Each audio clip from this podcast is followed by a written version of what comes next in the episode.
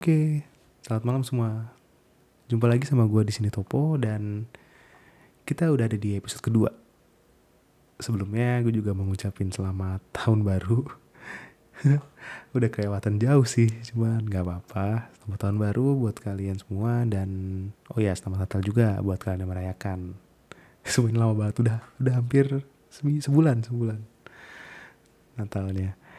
Oke, hmm, di episode kedua ini gue mungkin bakal bacain cerita dari teman-teman gue yang ada di Solo. Salah satu cerita ini asalnya dari temen gue ya. Dia ini mau bercerita tentang keadaan di keluarganya. Mungkin kita bisa langsung masuk aja ya ke ceritanya langsung. Oke sebentar nih gue buka dari emailnya dulu ya. Oke ini gak ada judulnya sih ya. Oke gak apa-apa. Selamat malam Bang Topo. Nama saya tolong disamarkan ya. Oke. Jadi saya mau cerita soal keluarga saya. Sebenarnya ceritanya ini lebih berhubungan ke arah mistis yang berhubungan dengan santet atau kiriman. Jadi ceritanya ini bermula sekitar tahun 2017. Ketika itu, ketika itu ibu saya mengalami sakit terus-menerus dan bolak-balik rumah sakit. Sebenarnya dari rumah sakit sudah memberikan saran untuk ibu saya melakukan operasi. Namun, ibu saya enggan untuk segera melakukan operasi dan akhirnya lebih memilih untuk rawat jalan di rumah. Selama rawat eh, sorry, selama rawat jalan di rumah, ibu saya ditemani oleh kakak saya mengajukan izin cuti selama seminggu untuk menemani ibu saya.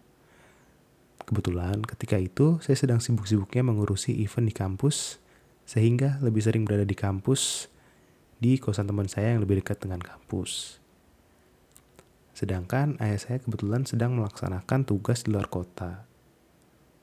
Singkat cerita, ketika itu kakak saya pulang uh, kakak saya pulang ke rumah dari tempat tongkrongan. Keanehan dimulai ketika kakak saya mau masuk ke dalam rumah melalui garasi. Nah, kakak saya ini melihat banyak sekali tanah yang tersebar secara rapi di depan pintu garasi. Awalnya kakak saya mengira bahwa itu tanah yang jatuh dari pot atau tanaman yang berada di atas garasi. Karena di atas garasi rumah saya itu ada balkon yang difungsikan sebagai tempat untuk tanaman-tanaman milik ibu dan ayah saya, ya semacam kayak greenhouse gitu. Kakak saya juga mikir mungkin ini bisa jadi adik saya yang habis lewatin jalan lumpur atau tanah dan langsung parkir mobil ke garasi tanpa dicuci. Nah, anehnya, ketika garasi dibuka, Ternyata di dalam gak ada jejak tanah sama sekali. Dan keadaan mobil yang dipakai adik saya itu bersih-bersih aja. Ya udahlah, kakak saya nggak pikir panjang. Akhirnya langsung masuk terus beres-beres dan siap-siap untuk tidur. Nah, ketika mau tidur, dia itu posisi kamarnya ada di depan dia ada di bagian depan rumah dekat dengan jalan.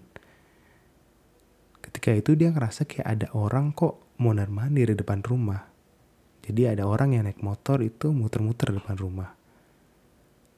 Dan satu waktu kayak ada suara orang melempar kerikil ke depan teras rumah. Cuma karena kakak saya capek, jadi nggak terlalu digubris sama dia.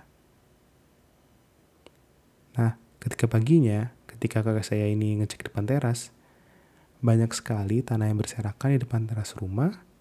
Dan waktu itu ya kakak saya nggak terlalu pikir panjang dan langsung bersihin tanah-tanah yang ada di depan teras tersebut.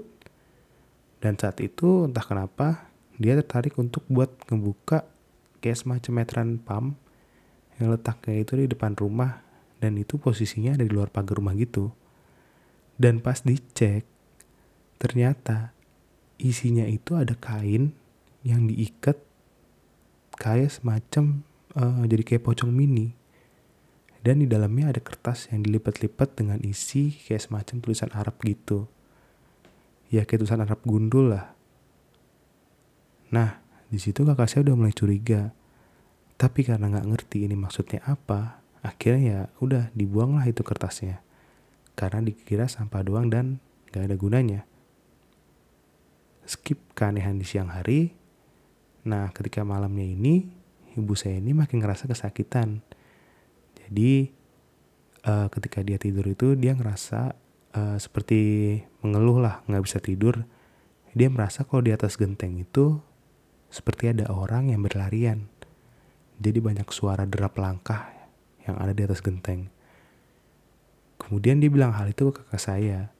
Dan kakak saya ini merasa tidak mendengar apa pun di atas genteng tersebut. Sehingga kakak saya ini bingung. Tetapi ketika itu ia berpikir kalau iya mungkin ibu saya ini sakitnya makin parah dan harus segera dibawa ke rumah sakit untuk dioperasi.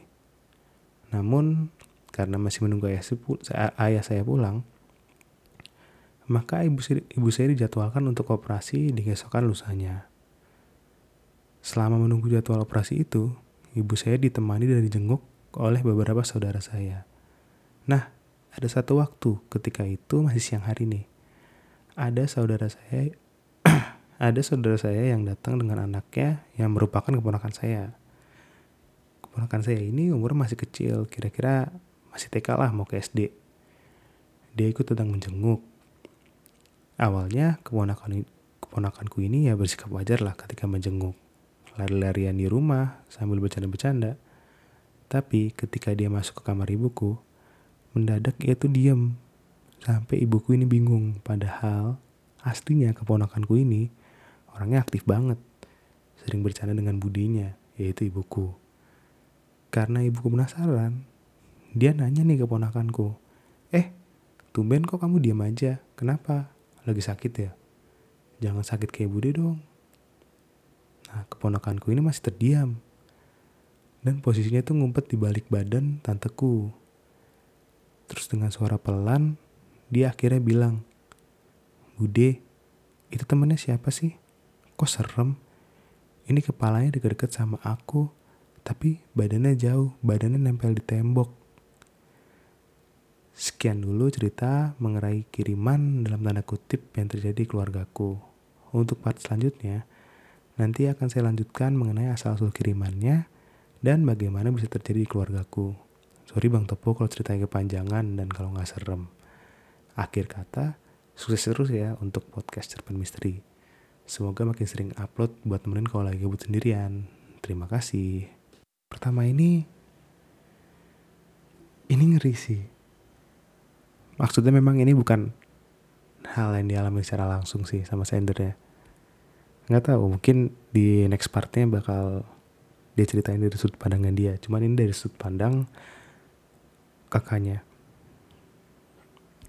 Kalau di awal ya dilihat ya, kalau misalnya kita lihat ya, itu tuh kayak masih masih wajar lah. Kayak uh, ibunya sakit ibunya harus operasi dan gara-gara sakitnya itu dia sampai kayak ya mungkin kayak bisa dibilang semacam semacam semacam apa ya kayak semacam berhalusinasi lah mendengar suara-suara langkah kaki di atas genteng. Cuma cuma nih ketika dibahas tentang apa ada banyak tanah berserakan yang ini yang gue tahu ya yang gue tahu. Kalau orang itu mau apa ya mau nyantet ya bukan santet sih istilahnya. Kayak mau ya ngirim ngirim ngirim ngirim hal-hal jahat lah ke orang itu pasti ngirim tanah lempar tanah tuh ke depan rumahnya. Yang biasanya itu tanahnya tanah kuburan. Cuma ini nggak tahu ini kan masih belum belum jelas lah. Maksudnya belum belum belum belum pastilah itu kalau tanah kuburan atau gimana. Cuma yang anehnya kedua adalah kenapa bisa ada bungkusan? Itu bungkusan apaan coba? Ya kecuali kalau bungkusannya itu daun ya daun daun. Ya mungkin tuh dikiranya bungkusan lemper kali. Cuman ini kan kayak kain isinya kayak ada tulisan itu udah mulai-mulai aneh sih. Dan sampai puncaknya itu ketika keponakannya itu datang ngejenguk.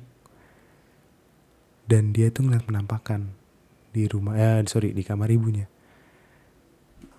Wah itu gokil sih. Itu itu gimana ya bentuknya? Yang aneh ya? Maksudnya coba. Keponakannya tuh bilang kalau uh, mana ya? Nih. Bude itu temennya siapa sih? Kok serem? Ini kepalanya deket-deket sama aku tapi badannya jauh. Badannya nempel tembok. Wah itu itu anjir gue merinding sih baca bagian sini nih bagian akhir ini nih. Ini bisa jadi dua kemungkinan nih. Antara uh, badannya itu misah sama kepalanya. Jadi badannya di pojok kepalanya itu uh, deket sama si keponakannya ini. Atau mungkin dia tuh lehernya panjang. Jadi kayak kayak siapa ya? Oh kayak Orochimaru gak sih? Kayak Orochimaru gitu. Jadi kepalanya panjang lehernya panjang gitu nyamperin. Cuman ini ini aneh sih ini ngeri sih. Cuma memang uh, yang penampakan di kamarnya ini kamar ibunya ini ya kalau secara positif mungkin uh, ternyata itu memang penunggu di sana. Memang asli penunggu asli di sana. Cuman kalau ngelihat udah ada kejanggalan-kejanggalan sebelumnya yang kayak tanah yang bungkusan kain itu bisa jadi juga ini sosok yang dikirim sosok jahat yang dikirimnya nih sama orang yang nggak seneng sama keluarga si pengirim. Cuma memang uh, harus lihat lagi sih part keduanya seperti apa biar kita tahu nih kelanjutan ceritanya kayak gimana siapa nih ternyata yang ngirim siapa ternyata yang ngirim ininya kirimannya oke mungkin buat di episode kedua ini cukup sekian dulu kali ya. Kalau menurut kalian uh, episode ini kurang panjang atau kurang apa, kalian bisa langsung komen aja ya di Instagram. Nanti kalian bilang aja uh, kurang panjang bang atau pendekan atau gimana atau malah kepanjangan atau gimana. Dan juga buat kalian yang mau kirim cerita, boleh, boleh banget kalian bisa langsung buka Instagram di podcast Cerpen Misteri dan nanti di situ di bio-nya ada link yang ngarahin langsung ke Google Form. Nanti kalian bisa langsung share ceritanya di situ. Kalian tulis judulnya, segala macam tempatnya. Bebas, kalian bisa mau disamarkan atau nggak disamarkan, eh, nggak uh, apa-apa. Tinggal tulis aja di situ semuanya. Nanti bakal gue usahain baca semuanya, kiriman-kiriman dari kalian ini.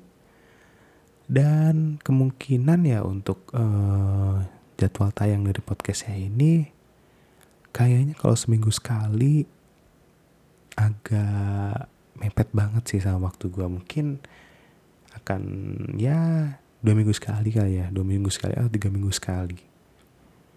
Oh, gue sebenarnya mau cerita satu hal. Ini berhubungan sama episode kedua ini. Jadi sebelumnya gue tuh udah ngelakuin recording untuk episode kedua ini sebenarnya. Cuma ada error di file recording uh, episode kedua ini yang gak bisa gue jelasin. Kenapa? Karena jadi ceritanya gini. Ketika itu gue ngelakuin recording gue ngeliatin dari uh, monitoringnya gue ngeliatin dari uh, apa file setelah selesai rekaman itu normal jadi masih bisa di play ada suaranya segala macem nah cuma kan setelah gue recording gue kan harus ngedit ulang ya. Maksudnya gue cut cut bagian yang gak penting atau gimana. Dan itu biasanya gue lakuin uh, dua atau tiga hari lah setelah gue take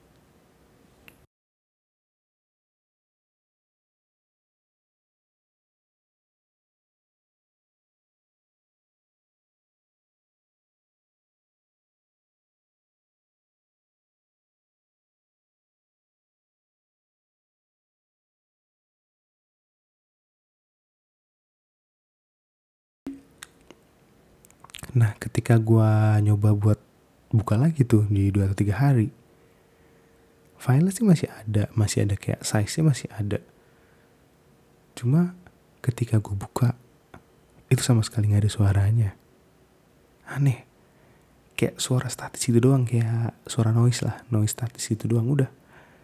Itu bener-bener gue bingung, gue coba dikirim ke HP, gue buka di laptop lain, itu bener-bener gak ada suaranya gue gak ngerti kenapa. Gue sih masih mikir positifnya itu uh, mungkin gara-gara apa ya lah error. Error komputernya lah atau gimana lah. Gue gak mikir tuh hal, hal aneh atau gimana. Walaupun bisa bisa bisa dibilang juga itu hal aneh sih. Ada gangguan gangguan aneh ya mungkin gitu dulu kali ya buat episode kedua ini nantinya di episode ketiga gue sebenarnya pengen ngebahas soal KKN gue cuma memang uh, kalau sendiri tuh bener-bener gak asik banget nih soal KKN gue jadi mungkin harus ada uh, hal temen yang gue ajak untuk ngebahas soal KKN ini. Ini sumpah sih ceritanya sih bakal gokil kalau boleh gue bilang. Gue nggak mau spoiler juga ditunggu aja ya. Oh pamit undur diri. Jangan lupa untuk follow podcast Cerpen Misteri di Spotify dan follow podcast Cerpen Misteri di Instagram. Dan jangan lupa buat kirim cerita kalian dan kita akan bacain bareng-bareng. Terima kasih